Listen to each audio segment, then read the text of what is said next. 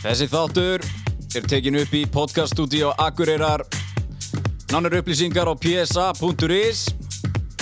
Það er kaffi.is sem dreifir þættinum og þökkuðum þeim kærlega fyrir það. Þeir sem sótir þessa stúdíu okkar eru brúsarnir frá X-Mist. Þetta er ekki flókið, það er bara eitt takki og þú lappar út og rýmur orðið gjössalega sótir eins að. Síðast en ekki síst eru það fagmenninir á Lemon. Þau sjá til þess að við fáum að næra okkur og standa þjætt við baki okkur. Jói og Kata eru legends in the game. Takk fyrir okkur. All I wanted was a new Mercedes. Bending on the corner, whipping the I got it. Women love me, but the niggas hate it. But how can I lose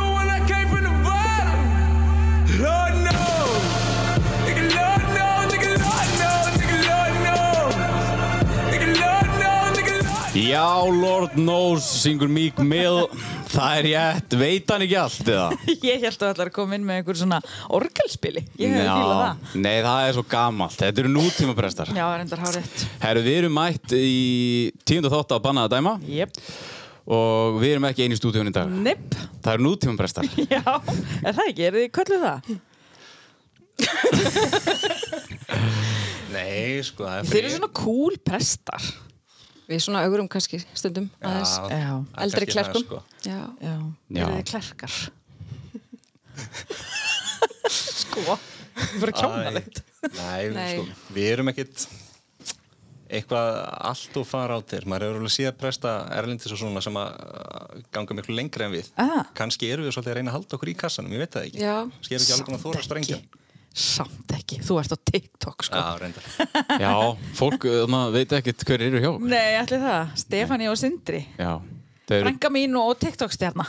já, já, sko, fran, hún er ekki TikTok Nei, hún er frænka mín. Já. Hann er TikTok-stjarna. Já, já þarna, Stefani Austfjörð. Já. Djók. Ertu það samt? Það var umræða samt bara fyrir tveim dögum. Mamma, mamma var að taka upp Östfjörð, sko. Er það? Þannig kannski er bara að sér að Stefán Östfjörð. Yeah. ég myndi ekki gera það. Það verður ekki. Ég er að reyna að koma sér. Haukur Austfjörð. Djúvel finnst mér það hljóma vel. Ég ætla að Já. fá hann í þetta. Koma því að. Já, hvað segir, hvað segir gott? Ótrúlega fínt bara það ekki? Takk fyrir að koma. Já, þú Með stuttum fyrirvara. Já, þú grípur okkur líka álagstíma sko. Já. Þetta í páska og fermingar og svona Já. Við erum búin að vera haus Já, þetta var líka svona, komist þið klukkan 12? Við komist hálf eitt. Við erum að hátið saman klukkan 12, sko. Sitt. Takk. Þannig að- Það sko Við Já. bara í framhaldi af svo mörgu þá hérna og minni forvitni og forvitni almennt gagvart trú að þá einhvern veginn langar mig bara að tala við fólk að sigur. Eins og ykkur. Já, eins og ykkur. Sem að, þú veist, breytið aðeins til, skiluru, í samfélaginu. Já, þeir eru, hvað, hvað maður að segja, þeir eru ekki uh, hefðbundnir, uh, Þú eru kynvillingar? já, þetta eru kynvillingar.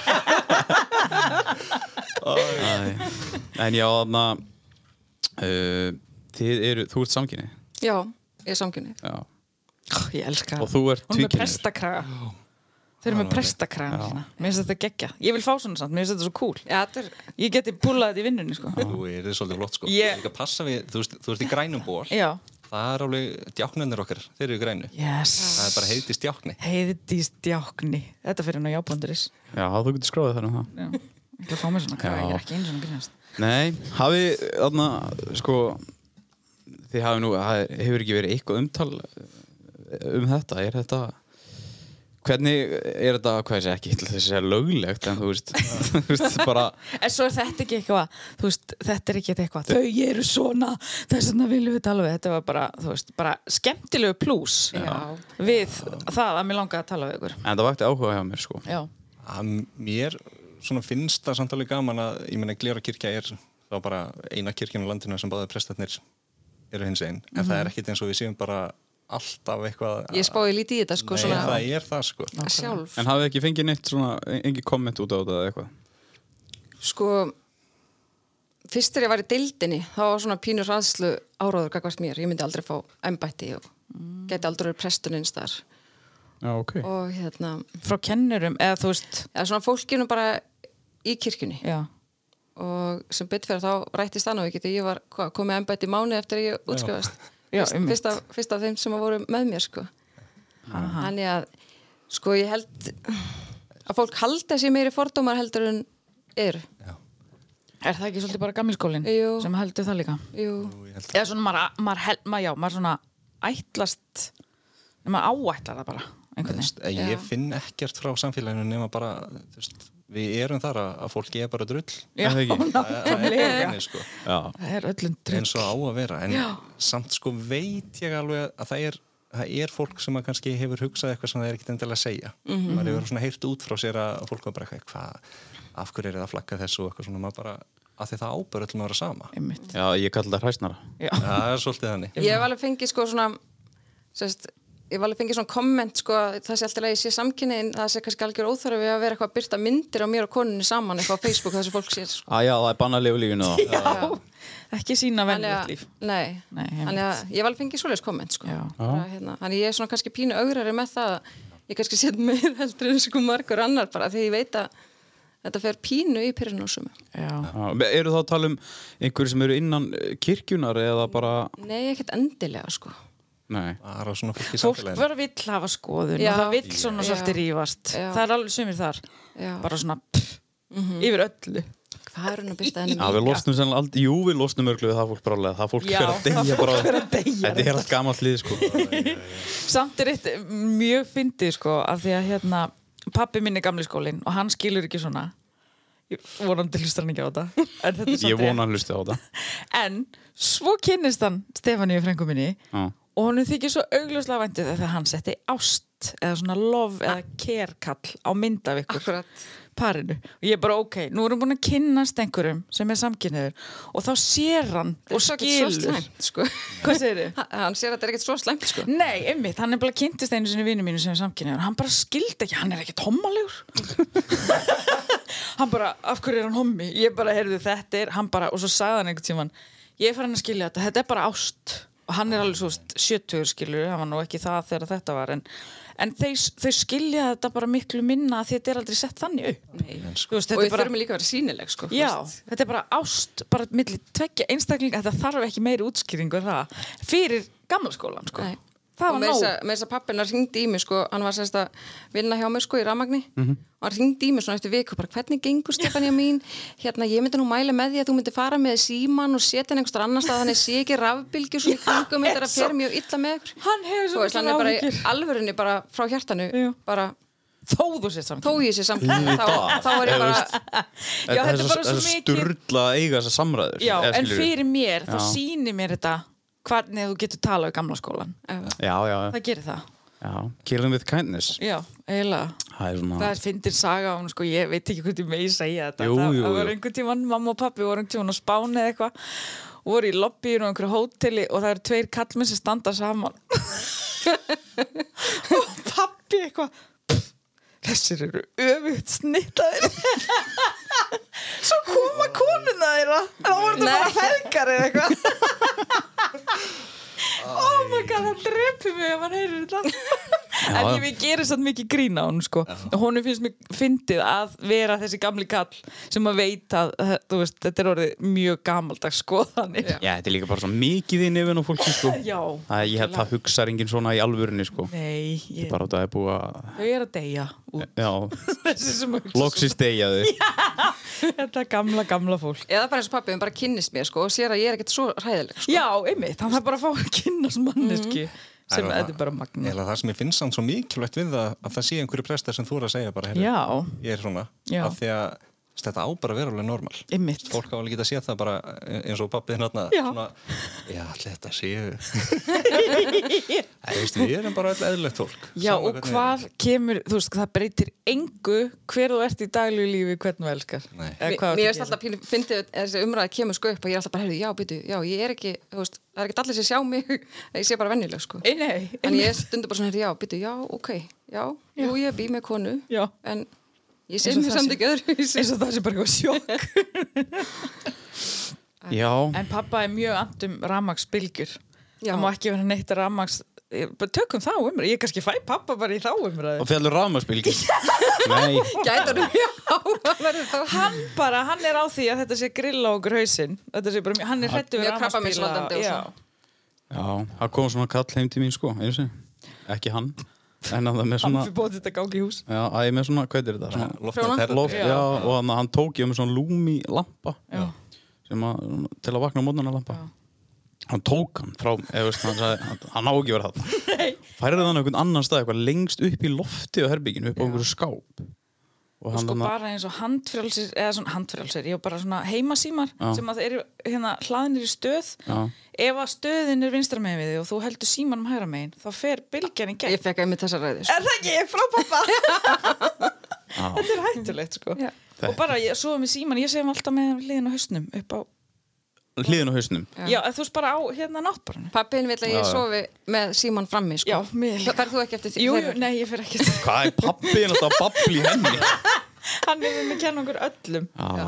En talandi samt um að lappa í hús Þú lappaðir í hús einu sinni Sindri Já, Stefáni var aðeins að ljú upp á mér sko. ég, ég gekk ekki í hús og var að segja fólki að skrá sig í kirkjunni ég hérna stóð Hann ætlar að milda þetta aðeins. Já, Já, ég, með svona skiltinir í miðbæ.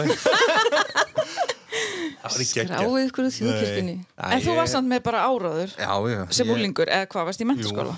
stóð bara í kvorsinni í Emma og bauði fólki að skrá sig í þjóðkirkjunni þetta var bara eitthvað drasl en svo bara þarf maður að lenda þeim vekk að skipta um skoðun sko. Já, það er það besta við lífið Mhm. finnst mér, ég er búin að læra þetta allan þetta er mín, þetta er mín mesti lærdómur í lífinu að það má skipta um skoðun Já, þú mátt hægt að drekka.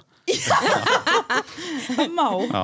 en bara skipta um skoðun yfir höfuð og þú, en hvað hérna, hvað var það sem að pyrraði þessi svona pyrraði í þig svona? kirkjuna Já. þú veist á þessum tíma bara fannst manni kirkjan vera eitthvað bákn þetta var svona einhver lokaður klúpur sem að var ógeðslega rókafullur og leiðilegur Gammaldags já og náttúrulega biskupsmáli var þarna það sem var búið að vera að koma yfir svona einhvern Já. svona bara ljótan skandal sko Mhm.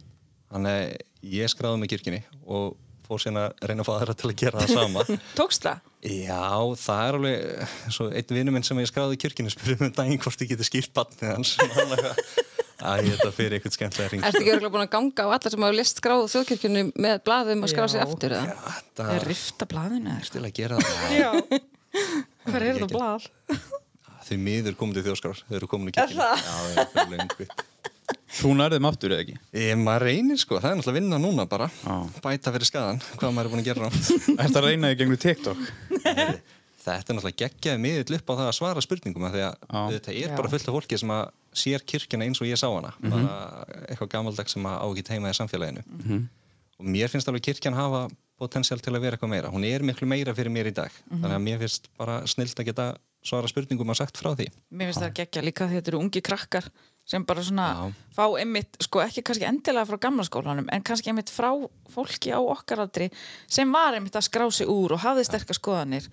Og svo færa það kannski engin svör, þessi börn sko. En sko, ég held líka sko að okkar kynnslóð hafi svo litið meiri svona, ég ætla að leiða mér að segja fordóma gagvart kirkjunni heldur en unlingar og krakkar í dag. Já, Ég allan upplýði það eins og fermingafræslinu svona að langflesti krakkarnir eru bara, bara forvitnir Já. um þú veist kirkjuna og trúna og með svona aðeins minni kannski fordóma heldur en maður hefði sjálfur. Já. Það er líka merkilegt sko að það er yfir 90% af krökkum á Akureyri sem eru á fermingaldri sem eru að fermast innan þjóðkirkjunar. já það er þannig Þetta er miklu herra hlutfall heldur en á höfbrukusæðinu. Ok, Nú, ok. og það færri í þessu borgarlega bara miklu færri, já Ég svo sem bara ekkert að spá í því sko. Nei. En bara, Nei, en mér finnst náttúrulega alveg magnað að fólk bara, Bara það velji það sem að það vil skilja Já. en mér finnst það bara eins og það eru 98 krakkar í fermingafræðslu í okkur sem að ég er uh, ég held sér 140-50 Akureyri kirkju sko. Ok, Já. ég held að sé rétt um eða yfir 100 í heldar árganginum hérna í þorpinu þannig að þetta er bara styrla sko. Ég held sko að þetta væri alltaf detta niður og það væri bara eiginlega flest allir eða, mér fannst það svona umtalan að fólk væri bara að fara í borgarlega fermingu og svona væri búin að þannig það er ekki. Fjölmiðlan er góður í að, að, að láta okkur trúa því sko. Og við erum eiginlega lengu hægt að nenn að taka umræðan á móti. Það er bara, Já, að ég veit Já, það það skilur sér allir endan Bara let it be, hefur þú veist. Nei, minn fólk á að hafa val. það er alltaf, En þarna förum aðeins yfir í nú er fermingar að fara að stað þegar, þegar ég fermdist þá þarna hvað gerist ef að ég mæti ekki fermingaværsli? Fæ ég að fermast? Sko, Þetta er enda fárulega góð spurninga þegar við erum akkurat í þessu, þú veist, það eru krakkar það eru nokkur búin að- koma núna síðustu dag. Já, sem út á COVID og svona voru eða bara heima og voru ekkert að koma með fræðslinu og ekkert að taka þátt í fjárfræðslinu sem voru með Mhm. og við erum svona að taka pínu reyna að taka svona pínu fermingafræðslu bootcamp með þeim bara hvað heyrðu, þú voru að læra þetta, þetta, þetta, þetta en það fá allir að fermast Já. en auðvitað vill maður að þau séu búin að vera með okkur allan veturinn og taka þátt í þessu samtali Mhm. og eins og bara um daginn þá vorum við með þeim að hérna, fara í gegnum útförina Já. og fengum að steppa útförastjóra bara til að koma á líkbílnum með kistu, krakkarnir báru kistun inn Vá. fórum í gegnum kistulagningu og útför og þetta er ekki bara trúalegt, þetta er bara undirbúningur undir líf Já. Þetta er mjög, þetta er mjög ég, þarna, ég fíla þetta því að Ég það er ekkert fyrir alla, ég hef nú borið kistu alveg, já, eiginlega allt og oft. Já. og þarna um, það er þetta er ekkert eitthvað sem maður getur bara stokkið í. Þetta er mjög, þetta er, þetta er krefandi umhverju, þetta er, þetta er alveg streituvaldandi, þú veist, allt í einu að fara að bera einhverja látna manni skjút og mér finnst þetta cool að þessi að, hvað ég segja, ekki þjálfa heldur bara undibúa bara þetta, þetta er lífið Já. og þessi óvissu þáttu sé þá ekki heldur líka Já. ofan á það að missa einhvern Já. þá erum við búin að fara í gegnum þessa praktík sko. já, já, ég hef bara haldið á svona kransi í jarðaför Já. og það var aldrei neitt á æfin verið eins þungt ég bara, ég greit svo mikið Nei. ég bara, að hald, ég held að þetta var ekkert mál og ég bara burðaðist með hann sko já. En Þetta er Þannig að, náttúrulega, já. til þess líka þess að slá á óvissna. Ég man þegar ég fór fyrst bara sjálfur í útför til að kveðja vin minn, þú veist, 19 ára gamall. Maður hefði aldrei verið sjálfur, maður hefði verið útför með mömmu og pappa, maður eldir þau í safnaðarheimilu og fær svo kaffið og eitthvað. Þannig er ég að kveðja einhvern sem ég þekkti og Já. bara, sitt, ég veit ekkert hvað ég gera við mig. Mhm. Nei. Þannig að- að bara leifa þeim að stíga inn í þess aðstæður í örugu umhverfi og bara svona aðeins að sjá hvað er þetta sem við erum að gera. Ég þarna uh, já, að ég var þarna ég held að vera fyrsta jarðafyrir mín þarna að ég var örgulega, þetta var örgulega tímvilið þar sem að ég var örgulega svona sem hraustastur eða þú veist, ég var að lifta rosalega mikið og keppi kraftlýtingu og svona og þarna ég þurfti að vera, eða þú veist, þurfti ég að ákveða að bera kistu. En hún hefur aldrei verið eins þung eins og í fyrsta skipti. Nei. ég bara, ég skildi þetta ekki, vorum, þú veist, það er 6 til 8 að bera það ekki. Og, og það, gerð, gerðist bara eitthvað í, í líkamann á mér á hausnum sko. ég bara stífnaði allir upp. Þannig að og mér finnst það ekki eðlilega lýsa sko. það er svo ótrúlega margir sem lýsa þessu það er ótrúlega skrítið því að ekki, þetta var ekkit þungt meðal átta manns Nei. fattaru. þannig að þetta er alveg þetta er eitthvað sem að, eh, gerist eða ekki Jú. Jú, jú, jú. má bara lippast niður líka bara andlega og líkamlega í sorkinni einhvern veginn, maður hefur ekki sama kraft Nei. Þetta var svo- svo, þetta var svo ríkt í mér að vilja sko, fræðað um þetta því ég er 17 ára þegar ég fer í fyrsta skipti í útför Mhm.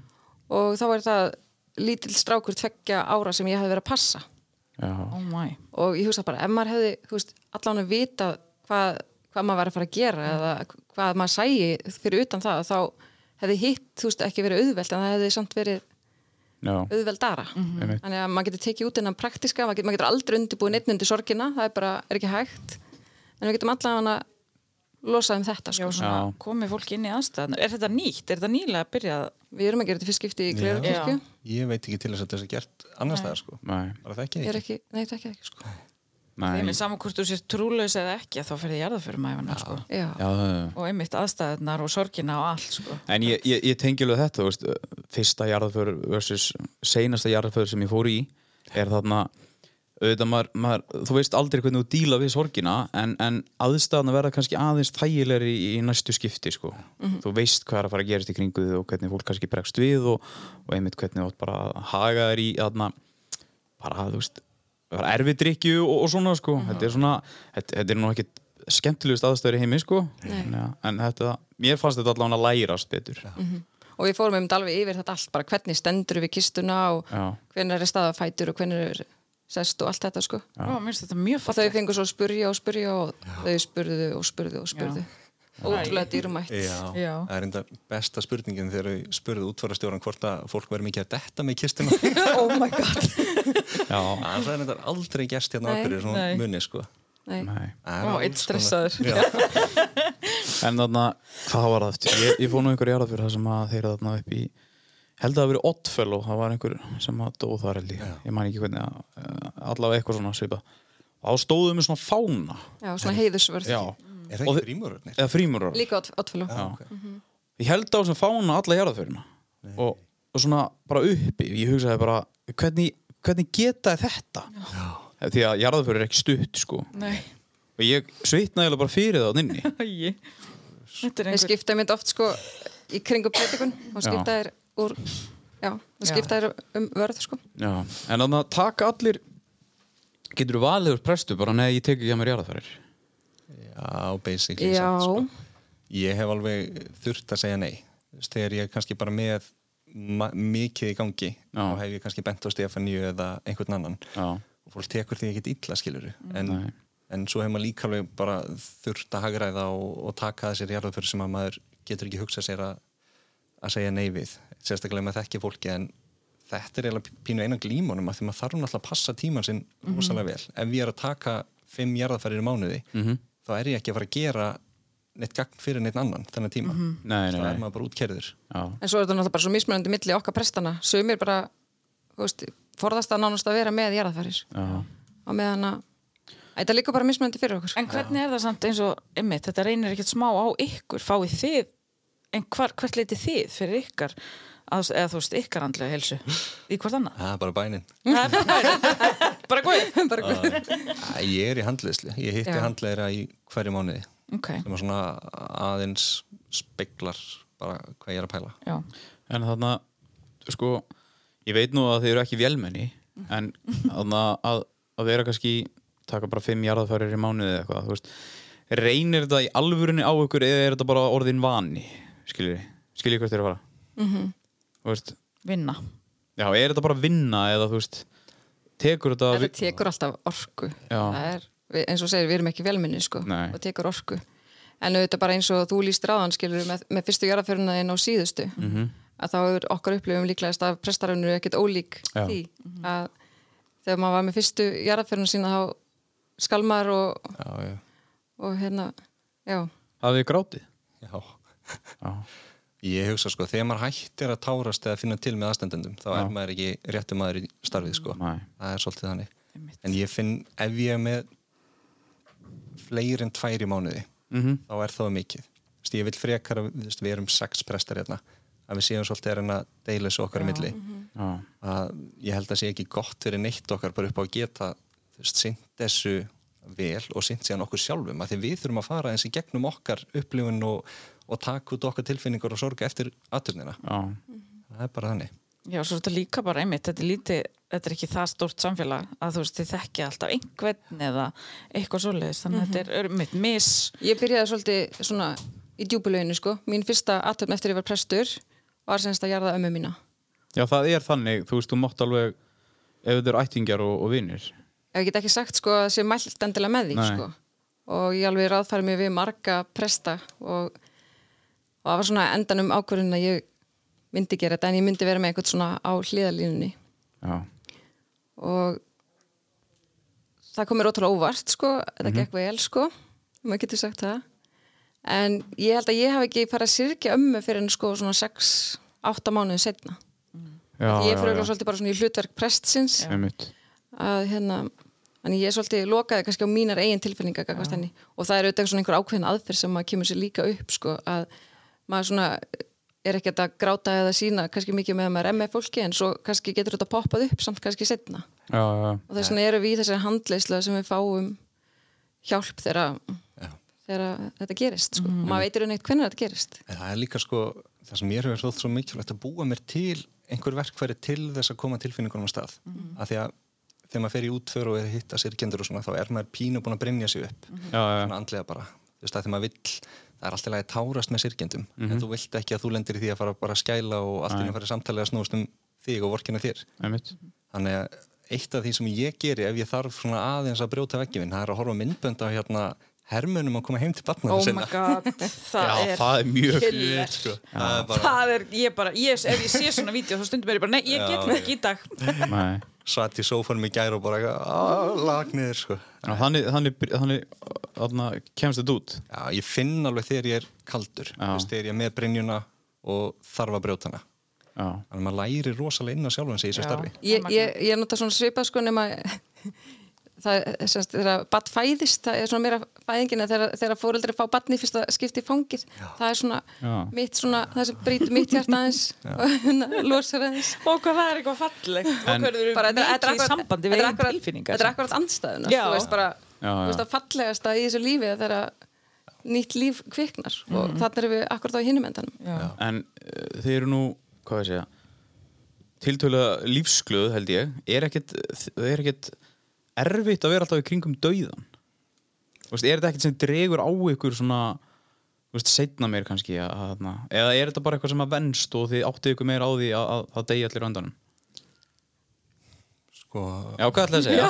að Stór spurning. Þetta að vera í kringum dauðan ég á hérna vinkonu sem er sem sagt líknar hjúkunarfræðingur og er alltaf bara með deyjandi fólki. Já, og hún kendi mér þetta bara hvað það að vera nálægt dauðanum hvað það hjálpa manni að elska lífið. Já, þú veist, þú átt, þú veist, ég er ekki alltaf að hugsa um dauðan en ég, ég veit það að lífið er takmarkað já, og það er bara einhvern veginn eflir hjá manni þakklæði til það, þú veist, maður er að nýta hvern dag. Þú maður hefur ekki tíma að vera pyrraður eða þú veist, Nei. allt á langrækin þó að það gerist alveg hjá manni. Einmitt. En ef þið kunni ekki með þetta lífið þá verið þannig að líkna hvað það hljómar ríkalega erfitt eitthvað En En, það- svo er þetta samt, þið eru samt að gera allt annað sem tengist gleði eiginlega.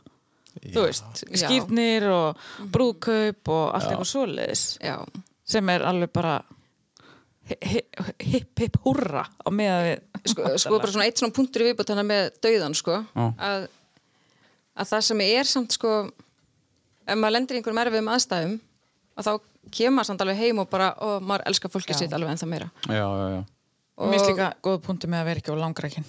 Já, ég, ég held að það sé það sem ég hafi kannski tekið mest upp að ég mynd nenni ekki að vil ekki vera þessi langrækna típa. Það er svo vond og ef að svo ef að þessi sem ég er í fílu við bara deyr. Einmitt og það er bara ekkert búið að ræða neitt eða þá, er bara ég, svona þá, hugsa ég, þá, þá hugsa ég samt ég er pínu sjálfsælskaði, mér langar ekki til þess að, að líða það illa. Já, að ég ætla að reyna að Nei, ég tengi hérna við þetta og mér finnst líka svo, svo vond að heyra oft sögur á fólki mitt eitthvað, að þeir eru búin ósáttir í fimm ár. Já, einhver sískin Já, eitthvað, að það er bara út á eða- arði eða einhverju ruggli, skiljur Já. og það, na, mér, mér finnst það svo sorglegt hjá fólki. Já, Mér finnst það svo gott að minna fólk á að þið þurfi ekkert að sættast. Nei. Þið megið alveg vera ósátt við það sem gerðist Já, en við getum haldið áfram svo. já sammála mér og ósamála Já. en samt geta verið Leggið þetta bara til og innan um hvort annað og fjölskyldur svo margt annað sem að við eigum sammeðilegt og frábært sem að Einmitt. við getum bara lagt áherslu á. En þannig að þegar ég hef kannski dílað við, við sorg og svona og þarna fyrsta skipti, eh, kannski fyrir svona tvei mánu, þá var þetta í lífrættur út frá dauða, eða skilur vinar. Er þetta þú veist, eru það að lýsa eða þessu lífrætt eða eru þið bara meira kannski að passa upp á einmitt eins og þessar hluti sem við vorum að tala um bara að, ekki vera langrækin og, Ég held að ég sé ekki líffrætt sko. ég er búin að, það eru semst hægt að fá svona bækur þar sem að skrifar sem sagt bara ósk þína við þú veist þegar ég deyja þá er ég með ákveðna óskir og ég er bara búin að fylla þetta út sko. Já, Þú er búin að því Já, þú sko ég er hann gömul þú ert náttúrulega svo ungur ennþá sko. Ertu orðin 30 eða? Nei, Nei, ég er orðin 40 nefnilega sko. Nei, ég gerði þetta fyrir svona þreymur ára síðan og þú veist, það er ekki að því ég er hrættu ég vil bara losa fólkið mitt undan því að þurfa eitthvað að ákveða hvernig allir hún hafi vilja hafa þetta og eitthvað svo leiðis Ættu að tala um jarðaföruna þína? Já. Ok, snið Pappi er alltaf að segja mér hvað tónlist hann vil hann vil bara blues og fjör. Ég vil ekki láta neitt gráta. Akkurat. bara partí. En það er sem geggjað sko þegar fólk er búið að fylla út enn bækling. Já, maður sér það bara. Það það léttir léttir svo mikið á Já, Já, hva, má ég fá svona bækling? Já, hvað er kirkju. Já, Við er mjög af þessu bæklingum. Já, já. En sko, ég tengi alveg við þetta með líffræðsluna. Þú veist, sérstaklega eftir einhvern veginn krakka. Já, Þú veist, ég man því að ég var að fara í flug eða eitthvað. Stíða bara sitt, hvað gerist ef ég kem ekki heim? Einmitt. Þú veist, en þetta er ekkit sem að svona hangir yfir mér eða þannig. En það er samt alveg skiljanlegt þegar maður er búin að vera að missa einhvern að það fer bara allt á stað hjá manni. Já, já, já, Þú veist, og það er eiginlega ótrúlega dýrmætt samt finnst mér eftir útferði sérstaklega þegar maður er að fylgja eftir sirkjandum og heyra svona bara hvað er að koma upp hjá þeim, hvað breytist í gegnum hennar tíma. Og maður sér það einhvern veginn að jafnvel þótt að fólk sé alveg í bara, bara dýpst í sorginni fyrst. Já, það læri fólk að lifa með sorginni. Veist, maður, maður hættir held ég aldrei að veist, Nei, maður á aldrei. alltaf sorgina með sér en hún breytist og fólk fer að halda bara í góðu minningarnar halda í kærleikan fólk er að lifa með sorginni en hún, hún fer aldrei sko. Einmitt, þess að heldur að vera langrækin. Þú veist, þú getur búið til minningar. Þú hefur tíma núna til þess að búið til minningar og ekki hætti það að vera í fílu Já, hætti því plís En þarna ég á nú þeirra þarna, eitt góð vinnu dó þarna sagði eitt félagi, félagi minn við mig þarna, að þarna hann sagðist ekki finna, þú veist, honum fann svo leiðilegt að hann fann fyrir svo lítilli sorg skilur, fólk, er, fólk á að geta verið að þvinga sig í að vera sorgmætt Nei, þetta er svo meina, misjafnt. þú veist, ég hef verið haldið þannig sorgarhóp fyrir fólk sem hefur mist Já, og langflestir upplifa þetta bara kannski fyrstu vikurnar eða mánuð en er það bara í dóða Já, þú veist það bara, jafnvel grætur ekki. Nei. og fyrir að skamma sín fyrir það að vera ekki að gráta. Já, já, já. Eða, þú veist, kemur svona sektakend, það er alveg, það er alveg ennþá meiri, meiri óvinnur heldur en sorgin sko. Já. það að upplifa sektakend að því þú ert ekki að syrkja á einhvern ákveðin hátt. Og það er engin, veist, það er engin uppskrift að því hvernig þú átt að syrkja það er bara, bara mismunandi. Eitt er eitt pappi sem sagði það, hann fór og þurfti að hjóla í 5-10 km hann grét ekkit mikið, hann bara þurfti að losa orkuna sko. En, en er þetta svo ekki líka svona smá sem að kannski fólk á ekki að gera einmitt bara þú veist að, að fara akkurat hinvegin og bara þú veist einmitt bara fara að hlaupa 40 km á dag og, og fara bara í einhverja þáttið hvert, hvað ég á við? Já, ég held fólk sko sko, finnir bara sína leiði sko, sumi gera þetta en þetta kemur að, ást, ég segi kemur að punkti. skuldadögum sko, já, að, einmitt. að sorgin hún brýst fram og þá þarf maður bara að vera tilbúin að, að og bara við minnsta atvik, kannski bara er ekki til mjólk í kaffið. Já, já, það getur, og þú bara brotna niður. Það getur bara verið bara- triggerinn og, og, og upphafið af sem sagt, sorgar að vera þetta er bara svo misjant, fólk verður bara að gefa sér sens og virða sjálfan sig að gera þetta ekki eins og allir hinnir eða eitthvað svoleiðis. Ég tók með mér þessu umræðans við, við fermingabötnin þau voru svo mikið að s- veltaði fyrir sér bara einmitt, hvernig á ég að bregðast við?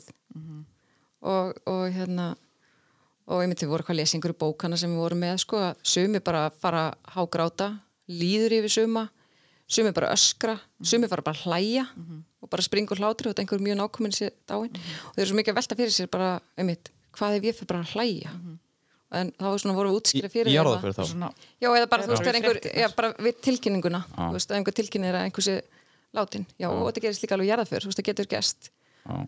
og þannig að það var svo mikilvægt að, að koma þeim upplýsingum til krakkana, það er bara eðlilegt, það er ekkert óeld við það að fara að hlæja, þetta er bara líka menn að reyna að minka allt sem er að gerast, já, sko. bara orku losun bara þú getur ekki með ekki svona svakalega upplýsingar. Og líka menn finnur einhverja leið og það er engin engin tveir sem að bregðast eins við. Er sumir að- í burtu. Já, ymmit. Ég bara, ég man ekki svo sem hvenar ég upplýði þetta síðast en ég man samt eftir að hafa fengið fréttir einhverjar dáin og ég svona hvað er að gerast? Þú veist, og ég bara, hvað á ég að gera? Og ég bara svona, ég bara stífnaði og bara, ég veit ekki hvernig ég á að bregðast við þessu að því þetta var bara sjokk og ég held að það sé bara sjokk. Ég er bara að upplifa sjokkið, ég er bara í sjokkinu og ég bara, ég veit ekki hvað ég á að gera. Ég veit ekki hvað ég gerði í brúköpunum með pappa þegar ég var fimm ára. Þegar allir voru að gráta úr gleði Ég rækti lóan á mér og setti svo fyrir neðan augun því mér langaði svo að vera eins. Já. og já, því að ég, ég var ekkert að grenja úr gleði yfir þessu sko. En þú veist, ég sá allir voru eitthvað öllum var svo fallegt. já, Já, já. þannig fá að vera með í þessu að gráta. En svo er þetta að, hérna, að því að dauðin er eins og hann er, en hann er partur í lífinu og mamma er búin að kenna mér. Hún misti vinkorinn sína bara núna í byrjun þessa ás, jafngömmul henni, sem ég finnst nú ekki gamalt, það eru að vera sjötuðar. Og ég eitthvað svona, æ, þetta er svo ömulegt og hún alltaf bara svona er lífið. Og ég alltaf bara, já, en samt, þú veist, þetta er svo sorglegt. Hún veiktist bara skyndilega og svo bara, allt í hún var hún líffæragjafi sem er samt svo fallitt og ég einhvern veginn sá fyrir hún í því ég bara pældi hvað hún bjarga mörgum lífum, þú veist, allt í hún erum við strax komin í að tala um lífið, Já. þó að hún sé að fara. En mamma alltaf bara svona er lífið og þú veist, grét, svona er lífið, ég bara, hvernig getur þetta? bara svona er lífið. En það er, auðvitað, þetta er stærsti parturinn, parturinn af lífinu. það er bara tvent sem er örugt við fæðum stóðu degjum sko. og við borgum skatt Já. það er reynd að Hárrétt. ég er að bæta þessu við næst í fermingarfæslu Já. það er þrennt örugt Já, þú voru að venja þig við það strax En mér langar að koma aðeins inn á fermingafræðsluna Þú veist, að því hún er greinilega vantarlega nútíma væðið hana Þú veist megi, Þið megið hafa áhrif á hvað er Já, ég, Eða er þetta eitthvað staðlaform sem þið þurfið að koma frá ykkur eða, Sko þegar ég fermdist 2000 Þá þurfti ég hjá sér að sigkvætti á Húsavík Þá hérna og sko þess vegna finnst mér þið svo töff af því hann, var, hann hefur bara alltaf verið 100 ára fyrir mér. Hann er svo yndislegur kallinn En hérna, þá mætti ég fermingafræðslu. Við þurftum að læra einhverja bæn eða, eða játninguna. Sálm eða eitthvað. Sálm, já. Og hann var alltaf, hann var með einhverja sérstaka blokk. Þannig að blöðin voru alltaf eins. Þetta var ekki bara Og sérst, ég, ég baði einu sinni um. Ég sagði að ég gerði vitlega sem að ég fá annað blað? Og þá stál ég blaði frá honum. Ég var alltaf búin að skrifa sálminn þegar ég mætti næst. Og þá fekk ég nýtt blað. Ég svindlaði fermingafræðslu Örgulega ekki fyrst á eina. Ég gera það líka, þegar áttum að fara með trújótninguna Já, Já, ég þá lærði það þarna aldrei. vorum við með uh, iPoda litla og í eirunum og bara með hettuna að reyna að komast í gegnum. Það var ekki eins og til iPodar þegar ég fættist En þurfa þau að skila einhverju svona, þurfa þau að læra sálma eða? Það þurfa að læra trúurjátninguna á fæðivorið en svo er þetta er náttúrulega sérstöku vetur út á COVID. Við náðum ekki að hitta þau eins mikið og við hefum viljað. En svona megin efni sem við erum að nota er náttúrulega svolítið undir áhrifum frá jákvæðri sálfræði. Við erum að vinna svolítið bara með sjálfsþekkingu og sjálfstyrk Geggjað. og líka bara þess, hvað trúin getum gert fyrir okkur lífinu. Já. það er svolítið svona útgangspunkturinn finnst mér. Bara kynnast sjálfum sér og, og sínum styrkleikum og Já, leggja svolítið á, á Fólk sem er trúað er hamingisamara það er bara það er bara, þetta er sannað einhvers þar hvaða? Ég fann það Ég ætla að ekki trúa þessu. Ég ætla ekki að hérna? Þetta er mjög óábyrgt að mér að segja þetta En ég hef heyrt og ég sá einhvers staðar að voru einhverjar rannsóknir gerðar og einhverjar Ég hef heyrt að einhver staðar, einhver staðar, einhver rannsók sem ég veit ekki Ég neitt skal um bakka þetta upp setna En hérna, já, trúa fólk er hamingisamara En þarf fólk endilega að Þú veist Þið, þið segi, þú veist, hver er Guð? Þú veist, hver, anna, má ekki bara fólk trúa sinn Guð? Akkurat sko, Andri náttúrulega sagði okkur bara Guð er Jehova Já. Já. það er bara þannig. Notið þið það nafn? Nei. Jú, þau vorum að læra hérna hebresku ef- öðruvísi, jafi í raunni og ég man að prófessorn okkar í hebresku vildi meina að vottarni væri algjörlega mistúlka hvernig þetta ber þetta fram sko. Að þið nú eru þið með sömu trú en hann túlkar hana bara öðru sér Já, sko ég, heyrði það þegar ég hlusta á andra votta Mm. að hann er ótrúlega vel lesin í biblíunni. Mhm. og ég virði það við votta en við lesum biblíun á algjörlega sitt hvora vegu sem er svo spes Já, í þessari trú, ég, trú ég uh, hugsa þannig, ég tek biblíuna mjög alvarlega Já. og það félur það í sér að ég vil vita hver skrifaði þetta, fyrir hvern var þetta skrifað Mm. hver var merkingin hjá þeim sem skrifaði þetta og hvað getur það þýtt fyrir okkur í dag mm. -hmm. ég get ekki tekið biblíuna og bara lesið og bara ok þessi texti sem var skrifaði fyrir þrjúðust árum hann hefur bara þessa bókstaflegu merkingu fyrir mig í dag. Í dag, já, eins og bara með þessi bóð og bönni í Mósebókunum sem eru skrifið fyrir samfélag sem að bara var í allt öðrum aðstæðum heldur en við. Þess að maður þarf að skilja þessar aðstæður til þess að skilja hvað þetta þýtt já ég mitt sagði, er, er engin uh, sveigjarleikja á því að nútíma væða þessa trú, af því að þau eru mitt bara þetta var skrifað og svona er þetta. Já. það er munurinn, en þið eru svona þið aðlægið þetta að sko- samfélagin dag?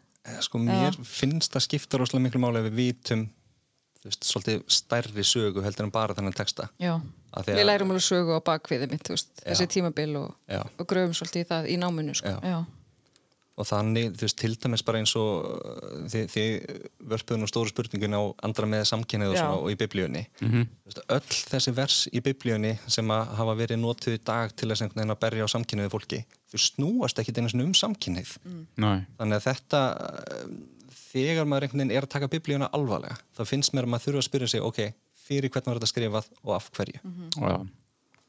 Já. og hann segir að það sé ekki hægt að lifa ef þú, er, ef þú ættir að skýra það inn í votta Jehóva trúna, trúflokkin flokkin, segir maður það, söfniðin þá getur ekki lifað sem samkynið mannskja þú ert bara að leggja það til hliðar Já. mér finnst það svolítið erfitt Það, er það hægt? Þú voru bara að lifa skýrlífi. Já, Já. Nun, nunna eða munkur, þetta er svona svolítið... Já, en eftir samt ekki með ennþá með sömu tilfinningar í gangi sem gagvart fólki. Já. þess með það en þarna velur bara Guð fram yfir þína eigin. Eh, Þú veist eins og Stefani þetta, sagði, þetta er bara eins og veist, munkar og nunnur gera bara, veist, eru bæla. allir munkar og allar nunnur samkynneigð þú veist, þau eru allan að bæla kynniðina sína. Já, Hver svo sem hún er. hver svo sem hún er sko. einmitt velja það bara það er, ó, nú er ég farin að líta aður við sjá munka og nunnur, bara hvað er það að fela af hverju vil ég ekki En veist, þegar maður skoðar þessi vers í biblíunni sem eru notuð til þess að berja á samkynniðum í dag mm. þau snúast um misnótkun, mm. þau snúast um barnanýð mm. og þau snúast um það að, að, að fólk sé að setja líkamennin sinni í þær aðstæður og einhver annar sé að nota mm. þetta eru ekki vers sem fjallum það að tveir einstaklingar á sami kyni með ekki elska hvort hann og að giftast þannig að mér finnst þetta skipta svo miklu máli að þegar þú ert að lesa biblíuna að þú leifir þér að spurja eins ok, af hverju var þetta skrifað? Já. og fyrir hvern? Já, og auðvitað kannski gerir það biblíuna, biblíuna pínu óaðgengilega. Mm. að segja þetta og er að fara að skoða sakfræðin og eitthvað þannig.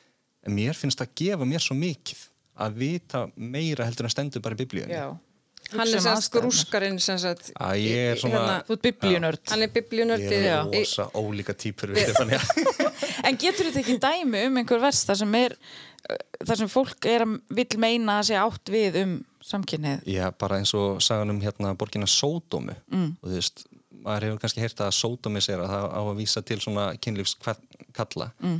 og það er að því að það var saga um það að það hefur komið englar í þessa borg Sódómu og ætlaði að fá að gista einhver staðar og það var maður sem tók það inn og leiði með gista og svo fór allir kallarnir í bænum að berja á hurðina og sögðu manninum að draga fram þessa gesti sem hefur komið að því að þeir ætlaði að fara að nauðga þeim mm. og englarnir fara þá bara á drepalla í borginni og svo er einhver í dag sem bara eitthvað já, þarna er verið að tala um það að allir hafa verið drefnir að því að mennitin í borginni voru hommar. Nei, Ó, þarna voru mennitin í, hom, í, í borginni kynferðisafbrotamenn og Ok. það var dómur Guðs þarna yfir þessu Já. að við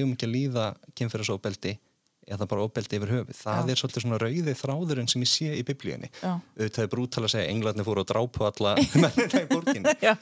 En mér finnst það að vera rauði þráðurinn í biblíunni, það er verið að færa okkur frá svona samfélagi og menningu sem að snýst um ofbeldi yfir í þetta samfélag kærleika sem að Kristur talar um. já. Lestu biblíuna bara eins og hún er skrifið eða er til auðveldara ritt Það er alltaf til alls konar, já, hérna biblíu móturhjólamannsins sem er hérna eitthvað, það var eitthvað móturhjólaklúpur, trúbóðar eða eitthvað sem að gáðu úr. Trúbóðar Já, fjagst þetta ekki Stefania, þau komið dildina til okkar.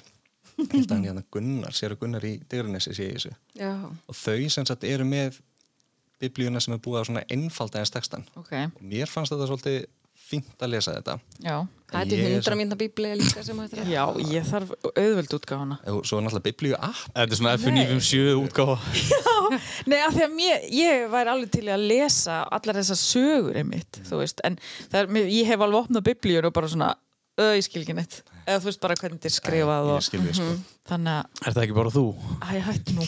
Ég meina, ég get alveg lendið því að opna biblíuna bara, ok, ég skil ekki neitt. Það er náttúrulega sett upp sko, þú veist þegar við erum með messur og sundum og þá er náttúrulega er bara svona ákveðin svona kapli úr biblíunni sem að við erum að vinna með. Og það er bara ákveðið af þjóðkirkjunni hvað við erum að fara að vinna með. Já, og maður stundum opnar opnar þessa texta og stundum er bara hvað er þetta? Veist, maður skilur þetta ekki eins og sjálfur. Já. og svo er maður að fara að lesa þetta upp fyrir fólki í kirkjunni. En þetta er svona mitt svona hugar sko, ég, þetta er uppáhaldið mitt. Já, að koma biblíunni yfir á mannamál. Já, og ég reyna alltaf að nota eitthvað sem er í gangi í samfélaginu sem samlíkingu, Já, reyna alltaf að finna akkurat. eitthvað þannig að fólk svona nútíma verða "Ah, þetta já." bara.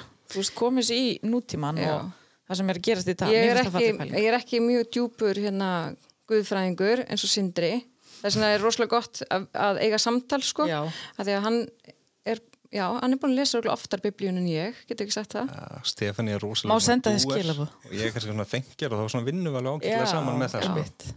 Má senda ykkur skilaboð, bara, heyrðu, hvað því þetta? Já. já. Ok. það er mjög gaman En annað sem að mér langaði einmitt að spyrja að því að nú hérna með kynheiðan og svona ef að krakkar er eitthvað að tilvalega að leita til ykkar mm -hmm.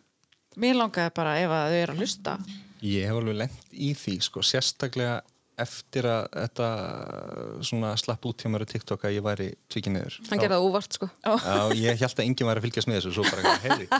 En hérna, þá hef ég fengið tölvuposta frá fólki sem er svona ströggla við þetta. Já.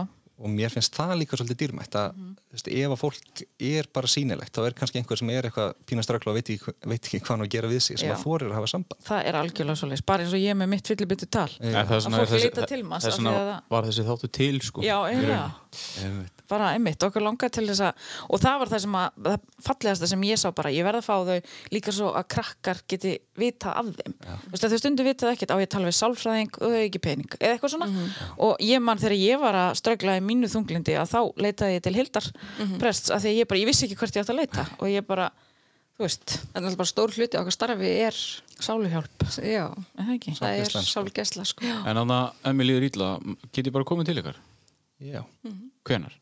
Þegar þú vilt. Besta panta Bara heim til þín? Bank, bank. Ég er enda þurfti að segja nei við eitt sem vildi koma heim til mín. Mér finnst það svona fullant gengi. Ég er, alveg, ég er alveg til að hitta fólk sko á skrifstofunni Mhm. en svona maður dregur svolítið mörkin við heimilið sitt. Já, svolítið öðruvísi fyrir þá sem eru sveitaprestar. Þeir náttúrulega eru svolítið með Já. skrifstofan sína bara inn á heimilinu einmitt. Já, já. En við náttúrulega erum bara í Glerarkirkju og við erum bara með skrifstofu og, og, eða sko, já, en það er eiginlega þannig að- að fólk panta tíma, sendur okkur annað tölvupóst eða ég fæ oft í gegnum Facebook eða Instagram eða eitthvað. Já, og að því að svona starfið okkar er svolítið svona er svolítið við um vitum ekkert alveg nákvæmlega hvernig dagurinn er það er bara þannig. Já. Já. getur, En mér finnst að ég held nefnilega að fólk og kannski yngri krakkar viti það ekki þeir geti leita til nei. Ég held að það vanti alveg. Ég vissi það ekki bara fyrir nokkrum árum sko. En ég sindir ekki að græða það á TikTokinu Jú, Þú fær fullt af spurningum það er fullt af spurningum og engin spurning er heimskuleg og engin er skrítið, það má spyrja öllu. Ég, þess vegna er ég með hana þátt. Já, sko. En þannig að nú eru fermingar að- að að- að fara að hefjast Eru þær, geta þær ekki verið erfiðu tími fyrir einhverja? Náttúrulega ef það er eitthvað þú veist, maður hefur, hefur alveg séð það til dæmis fjölskyldur það sem eru fjárhagserfileika Já, einmitt. fóreldrarnir vilja gera allt fyrir krakkana sína. Já, og það er auðvitað ótrúlega mikið sorg að vera fóreldri og finna það, heyrðu þú veist, ég get ekki gefið barninu veislunum sem er langar. Nei, en þá er eins og hér, þú veist, mærastisnefnd er að hjálpa mm. Fóreldur fermingabarna já, Þú veist, við erum að fella niður uh, fræðslugjaldi í fermingafræðslu og kirtilgjaldi og svona bara fyrir fólk. Mhm. þannig að við erum að reyna eins og við getum að, að styðja fólk bara í að geta gert þennan dag fyrir krakkana sína. Einmitt. Þannig að það þarf bara að tala við ykkur. Það ég held að þessi oftast einmitt bara, fólk þorir ekki að segja bara, heyrðu við eigum svolítið erfitt eða eitthvað svoleiðis. En ef það bara, þetta er alltaf spurningum að byggja um hjálpina. Hún er alltaf til staðar.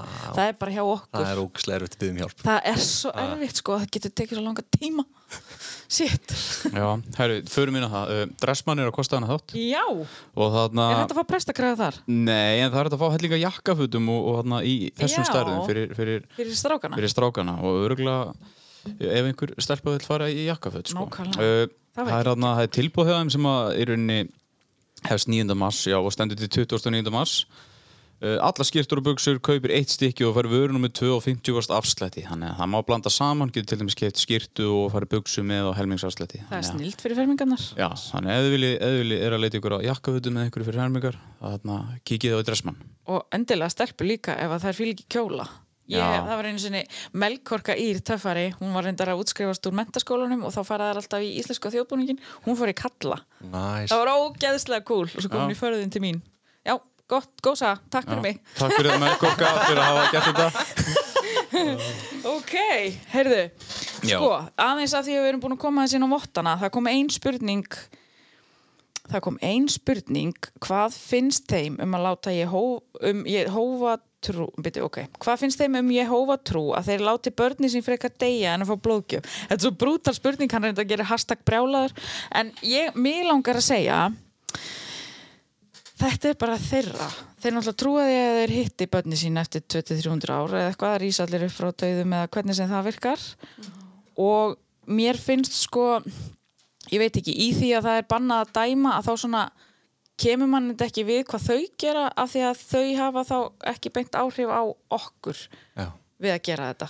Við veljum ekki að fara sömulega þeir en þetta er þeirra, skiljið, með því að bera virðingu fyrir þeirra trú á einhvern hátt En sko, ég lít líka á að sko, við hérna á Íslandi, við erum það sem sagt, sko við verndum börnin okkar það mikið að þeir sem að taka það ákvörnum að vilja ekki blóðgjöf fyrir barni sitt, völdin eru tekin af þeim og barni Já. fær blóðgjöf. já, já, já, það er orðið þannig eða? Það er orðið þannig. Já.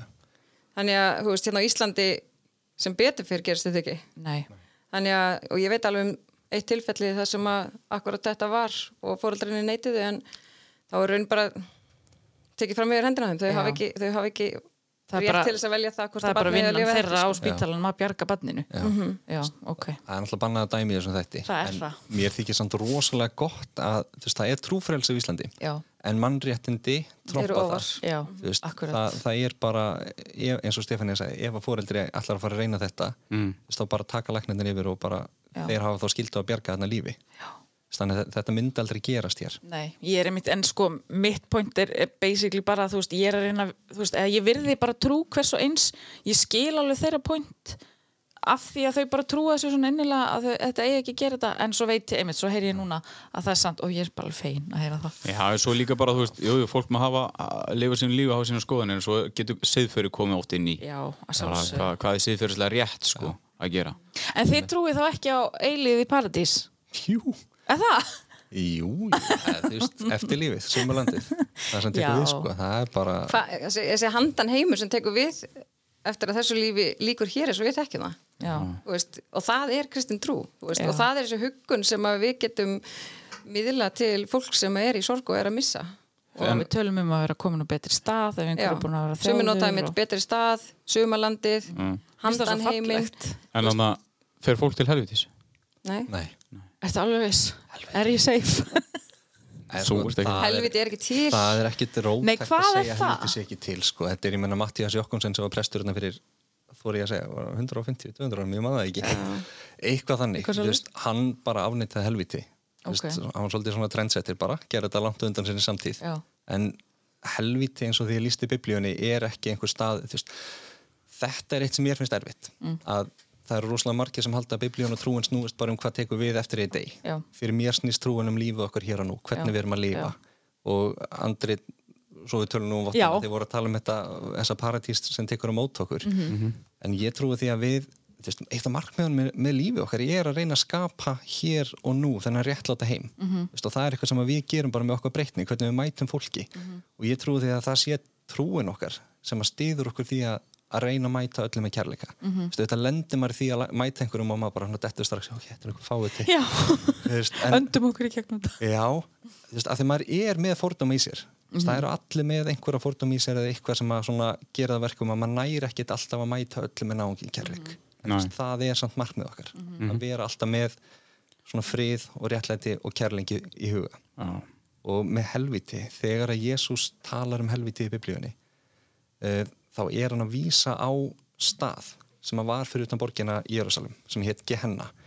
Og þetta orð Gehenna er sem sagt þýtt sem eldvíti eða helvíti í okkar biblíu þýðingu en þetta var sem sagt logandi ruslahaugur þar sem að lík voru brend og þar sem að jafnvel var börnum fórnað í öðrum trúabröðum já.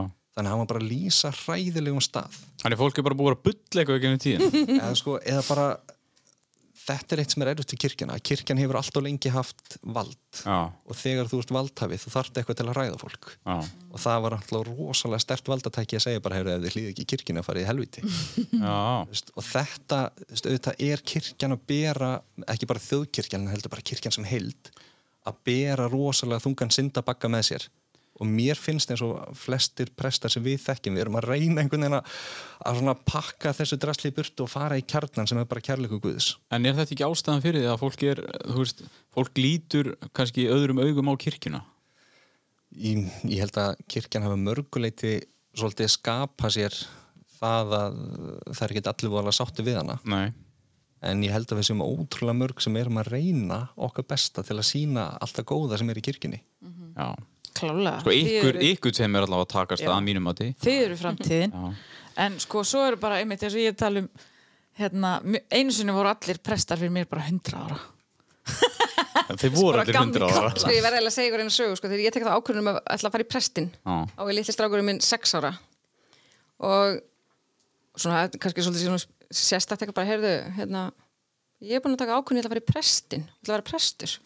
Og litli strákurinn minn sex ára, hann að hágráta. Hann bara grét og grét og grét og grét. Bara já mamma ég vil ekki að þú verði gráhærð með rauðan varalit. Og þá var bara þessi presturinn sem að við ólumst upp með sko það var kona með grátt hár og rauðan varalit. Já. þannig að Já, herðu, við þarna fögnum því, við erum ekki að fara til helvitis Við erum mætt í uppkeysluna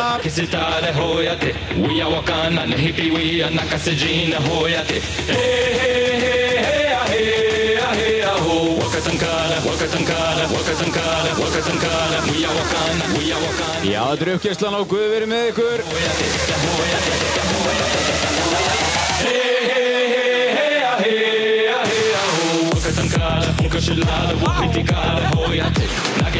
Já, þetta var óskalag frá hann Sindra Prest Hann vildi fá þetta lag Great Spirit með Armin van Búren Þetta er geggja Já. Er þetta þitt? Peppar þið svona fyrir messur Nei, veistu, ég, herru, ég ætti að fara að gera það Nú tekur það Getum við ekki haft ykkur að partí með þessu? Ég, ég fór að hugsa, ég var að hlusta lægið þetta um þorpið, ég bara, heyrðu, hvernig væri að fá Dóra til að vera með okkur í messu einhvern tíma Já, úf, ég hef spilað, ég hef spilað þorpið mitt í jarðaför Já, Það var hvernig fórst það því? Ég veit það ekki ennþá, það var mjög erfitt. Já, En þannig að mér tókst það. Já. Herðu, við erum að messa. Já, kottum með það. Heitist allar að grípa fram mig eins og alltaf. Uh, Sko, uppkistlan að, að þessu sinni. Förum bara út í það að þarna að þarna saman hvað þú tekur fyrir hendur og ef þú ert ákveðin í því en þér snýst svo, snýst svo hugur það má breyta. Það má? Já.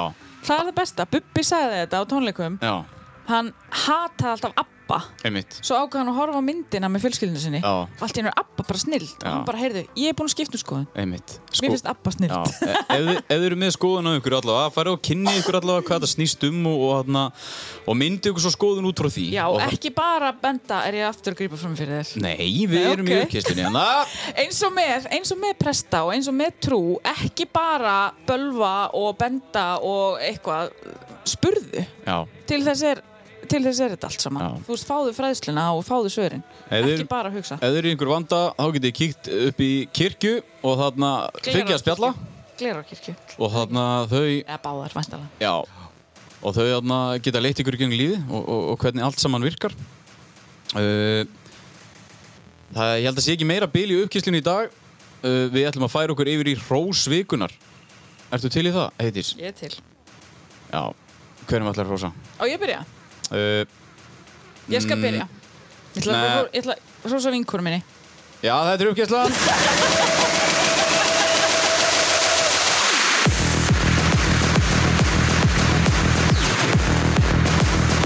Já, þetta var uppkýslan og hún var í bóði hvað? Hún var í bóði Bráverslun. Já, Þar, og ég ætla, ég tökum þetta, ég ætla að taka þetta saman á eftir. Þetta er Bráverslun og Bífitt Ok. Þar eru mörkinni þrjú, þar eru frá flytja í mörkina eitt. Já. ég er sérst að taka þetta á eftir en ég tek þetta bara núna. Já. Og það er haustfjörð kóði, 50% afsláttur á báðum. Fermingastelpur geta nú aldeilis skellt sér á Brá.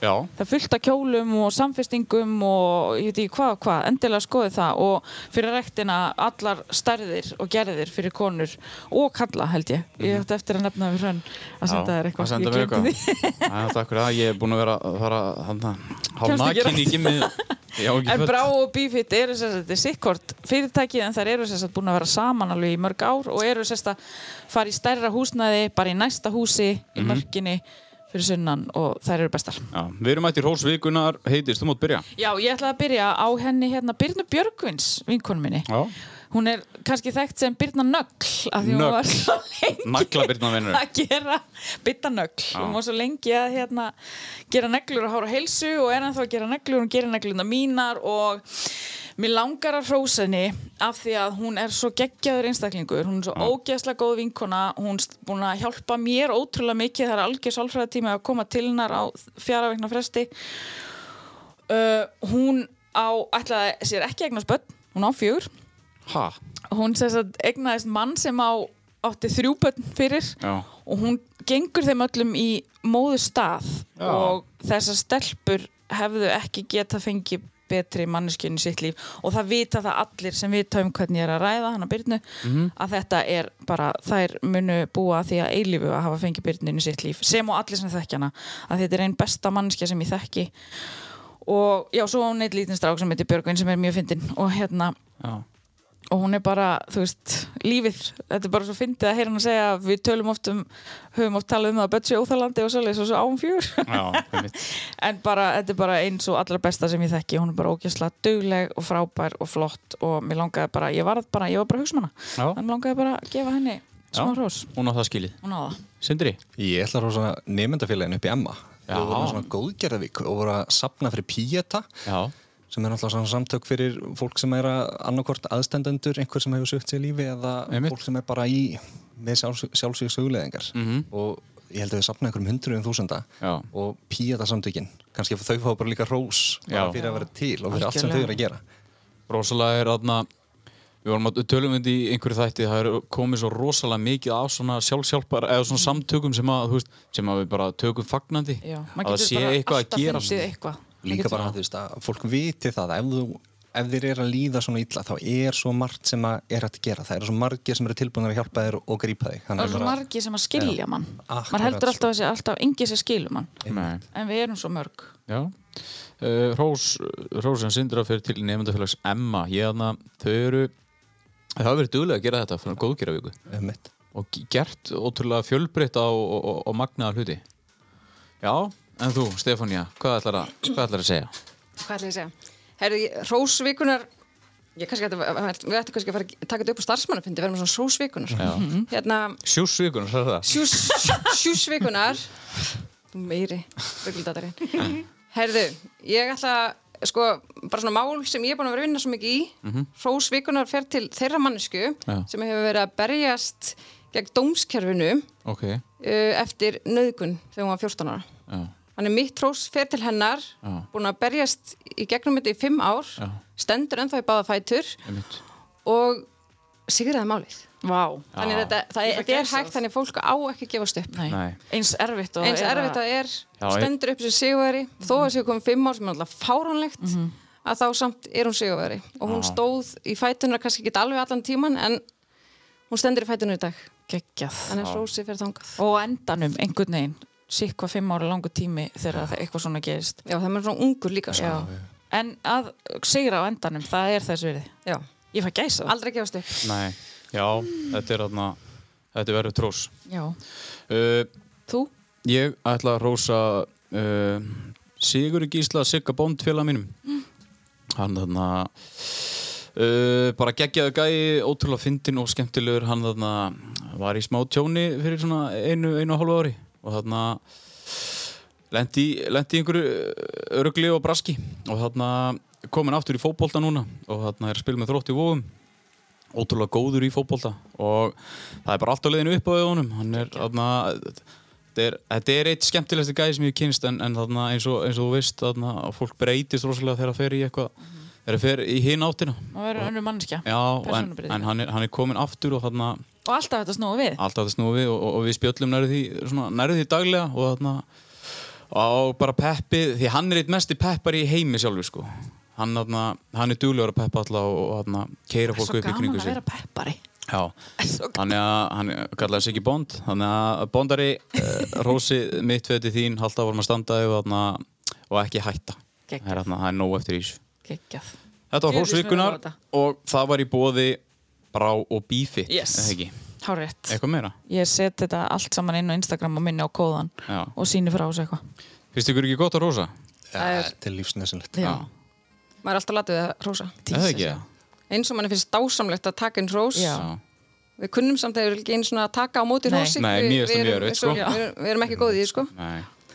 En Þetta þetta, er- gengur í báðaráttir. Dóri Já. stakk upp á þessu, ég er honum æfilega þakklátt fyrir hennar lið Já, þetta var rósvíkunar uh, Förum bara aftur yfir í uh, spurningu eða ekki? Erstu búin að lækka? Já, ég er búin að lækka Það eru nokkra spurningar, bara svona til að hérna, klára þetta. Það náttúrulega snýst mest af spurningum hvort að sko, hvernig tekur eldra fólk því að vera með samkynniðan prest og finnið þið fyrir fordómum. Við svo sem byrjuðum á þessu. Já, En hérna, já, en hvernig tekur eldra fólki? Er það, þú veist, lappar það út eða er það eitthvað svoleiðis? Sko, e- þetta er ótrúlega eh, góð spurninga því ég sjálf þegar ég verð prestur að þetta var akkurat það sem ég var hættist við. Það var allir búin að vara mig við gamla fólkinu. Já. En á þessum tíma átti ég ennþá tvær ömmur sem voru, voru fordómafulla fyrir en mestu stuðningsmenn í heimi þegar barnabarni stóð frammi fyrir þessu Einmitt. þannig að það svona hjálpaði ótrúlega mikið og þegar ég semst, kem hérna á norður þá var eiginlega um mitt fyrsta bara, ó nei, hvað, hérna ég var ekki eins og eftir að geta fengið að vera með eldriborgarstarf Já. og svo bara mætti ég fyrsta eldriborgara samveruna í Glerakirkju og bara aldrei mætti ég margir Æ, gaman. Þannig að ég held að við séum oft að ákveða eldra fólki okkar sé með fordóma. Já. Allavega segir það ekki við mig. Nei, Stefani að byrja daginn í morgun að sitja með svona eldri konum og prjóna í kirkjunni já, Ég er að fórna mig svo, ég kunni ekki að prjóna. Það eru búin að Þið kenna eru mér með að alls konar starf. Sko. Já, já Er þetta eitthvað eldri borgara starf? Nei, þetta er bara svona prjóna kaffi Ok. Það er mér þess að kall, kall sem að kemur og er þetta með okkur sko. Já, okkur langar að hvetja svolítið kallmennin til að koma þess að annarkvæmt með prjóna eða bara setjast og spila eða spjalla líka. Þannig að þetta sé ekki bara konur. Já. Svo eru, með, eru mömmumotnar, er það á vegum kirkjunar eða Fóreldramotnar, sammeili fóreldramotnar með Já, Glerakirkju og, og ekki bara mömmur. Ekki mömmur bara. Fóreldramotnar bæði Glerakirkju Akurakirkja saman í Glerakirkju á 15. mótnu kl. 10. ég komin sinni þangað að kynna snirtuverur Já, em, fyrir svolítið síðan? Vist, ég held einmitt að þetta væri mest mömmur að mæta. Já. en eins og um daginn var hérna Dilla að kenna ungbætanutt Já. og það var alveg haugur og pöppum, pöppum líka sko. Krútlegt, maður mæta þá maður eigi ekki bann bara þetta er svo krútlegt. Ég, ég, ég mætti alltaf sko, þú veist þess að ræni ég bara einhverju einmitt. nákvæmlega, ég er finna eitthvað. ég finn bara eitthvað bann bara næsta En ég, ég myndi vilja að pappanir kæmu meira sko. já, getur ég myndi bara nutta mig. Já, þið mæti bara saman. ung barna nutt og dóra fyndi Hvað, hvað trúður er þetta með fjólubláð sem að nutta drengin? Jésús, það myndi ég er bara, ég er bara vel liðin hann en ég ætla bara að trúa því Já, frábært, það er allavega fullt af þeir eru með fullt af svona að ég, þegar ég, einmitt, þegar ég var lítil þá var bara, það voru gamli prestar og kirkjan var bara eitthvað, amen uh, þú veist, sunnudagsmessur og svo bara eitthvað búring á jólunum. Og síðan fórst í meðferð. en svo er bara, mér finnst svo gaman að sjá allt sem er í bóði, sko. Og þetta líka, að geta leita til prestana en mann vantar bara, þú veist, svara spurningum eða, þú veist, bara letta á sér. Ég Líka, bara, sama hvað, þú veist, sama hvað skoðum þú hefur kannski á, á kirkjunni sjálfur alltaf þegar ég fari í kirkju, ég alltaf bara fengið kærleik sko. Skilur, það er aldrei Og það er líka svolítið miskilningu, fólk heldur að með ekki koma og panta tíma hjá okkur í viðtölum að því að það sé ekki trúað eða nóg Já, trúað eða eitthvað svo leiðis. einmitt. Við erum ekki, við erum ekki með neina mælistik og við tökum á fólki, sko. Málband bara- Nei, allir velkomnir. Já, Heyrðu, 2021, af hverju Guð en ekki aðrar ætlaðar yfirnáttúrulega skáldsagnapersonur? og næst, geggjur spurning Kemur mínum manni en allir hérna. Góðum með það? Nei, sko, ég ég veit það er ekki allir sammála mér en fyrir mér þá er bara til eitt guð, mm -hmm. einhver eitt svona guðlegu veruleiki og ég held að það skipti ekki máli hvaða nafn við erum að nota eða hvaða trúabröð við erum að aðhyllast mm við erum öll að reyna að tegja okkur í áttina þessum eina sanna guðlega neista og ég held, ég er bara kristina því ég fættist á Íslandi. Ef ég hefði fæðist í Tælandi eða eitthvað, það væri örgulega búddisti. Við erum bara öll að reyna að finna einhverju leiðir til að tengjast þessum andlega veruleika og þessum guði sem býra baki. Og mér er svo sem sama hvort að fólk kalla sig múslima eða ásatrúar eða gýðingi eða votta eða hvað, ég held við séum öll á þessari sömu vegferð, við erum bara að fara svolítið ólíka leiðir. Já, okkur langar alltaf að líða vel. Og sko, sumir svolítið sé- sjá svolítið, sko, veist, Guð er eitthvað orð Já, sem getur alveg verið einhver kona eða karl eða eða, skil, eða eitthvað bara sem að einhver andi sem að fólk næri ekki til, veist, fólk þarf bara að finna sinn vettvang. Og svo talaði um svona trúar þroska við, við byrjum kannski á einhverju stað og svo þroskust við, þú veist, á einhvern annan stað sko. hvernig, hana, hvernig lítur Jésu út? ég vildi ég vissi það sko Já, Eða hvernig sko, leit?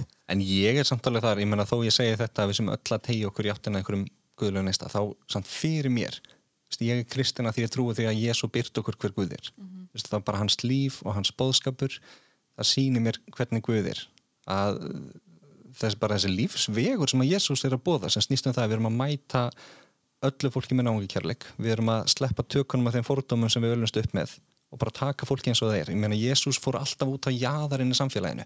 Hann fór og var með vændiskonunum og, og holdsveika fólkinu og öllum sem engin annar vildi umgangast og var að sína þeim náunga kærleik og segja, heyrðu, komið þið og gerið þetta líka. Mm -hmm. fyrir mér snýst það að vera kristinn svolítið um þetta. Þú, er kristinn þá máttu einhvern veginn ekki vera í forréttindastöði og það er rosalega erfitt að segja þetta sem hvítur prestur bara eitthvað, ég má ekki vera í forréttindastöði en maður þarf alltaf að vera svona pínu að, að muna það þú veist, trúum minn snýst um það að reyna að tengjast fólki sem er á jæðrinum og hver er það í mínu samfélagi mm -hmm. maður þarf alltaf að vera ógeðslega meðvitaður um þetta.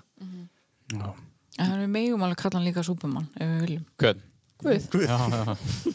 Ég er Kristinn, Haldur Kristinn Varstu búin að ákveða hennan fyrir lengur? Það tennan hug nú Heyrðu, það er ein hérna. Hvað finnst ykkur mikilvægt að gera til að styðja við LGBT ungumenni innan, innan samfélagsins, innan kirkjunar? Ég er með þetta vitlisum stað hérna. veitu.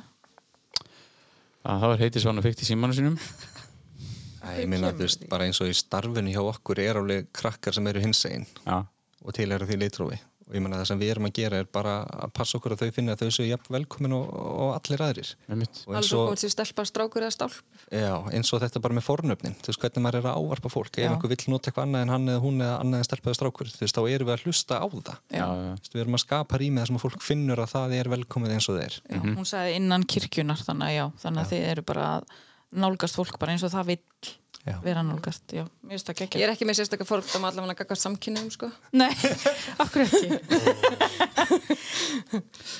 En já, er þetta samt, er þetta Er, er þetta ekki dögt í dag? eða? Þú Veist, er fólk eitthvað að spá í þessu? eða? Sko ég, ég, ætla að segja ekki bara að því ég er samkynnuðu prestur og þá kannski verði ég kannski langminnst vörfið af öllum sko. Já. Þau ekki frekar einhverju aðri sem, a, um sem, að heyra, en við já, sem að heyra tala um mig heldur en við mig sko. Það var að dettin spurning, tala biblían ekki um að þeir sem hallast að eigin kyni eigi að lífláta? Akkurat. Akkurat Þetta kom nú núna í hérna, katholski kirkjunni, hann er búin miklu umræður. Þeir eru búin að taka tilbaka að það megi blessa hjónaband samkynnera í katholski kirkjunni. Nú. Það kom bara frá Vatikanu hvað ég gæri að fyrir þetta. fyrir allag sko Búið að taka tilbaka?